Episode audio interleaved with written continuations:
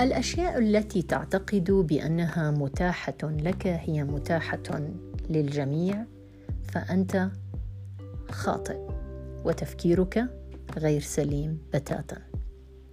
ما هو موجود لديك كأمر واقع هو حلم أو طموح لغيرك. لن أتكلم عن المياه أو الأغذية أو الأطعمة أو المال أو غيرها أو غيرها. سأتكلم عن تلك الوثيقة. التي قد تكون إثباتا لهويتك وقد تكون وثيقة عبور من دولة إلى أخرى. إنها جواز سفرك.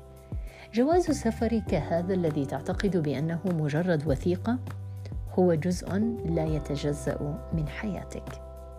هذه الوثيقة التي أنت حصلت عليها سواء بسبب مولدك في بلد ما أو جنسية والدك أو جنسية والدتك قد تعتقد بأنها أمر واقع. هي أمر قد حرم منه الكثيرون. قد تعثرت حياة الكثيرين بسبب عدم وجوده. قد تأخرت أحلامهم.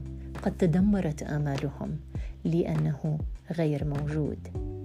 نقول في عالم القانون بأن جواز السفر لا يعني الجنسية. هو ليس دليل على الجنسية ولكنه وثيقة مهمة للتنقل ما بين البلدان. تخيل أنه ليس لديك جواز سفر. ماذا ستكون فاعلا؟ قدر وثمن دائما. تلك النعم البسيطة التي تراها أنت بسيطة ولكنها بالنسبة لآخرين تعني الحياة برمتها. مساء الخير.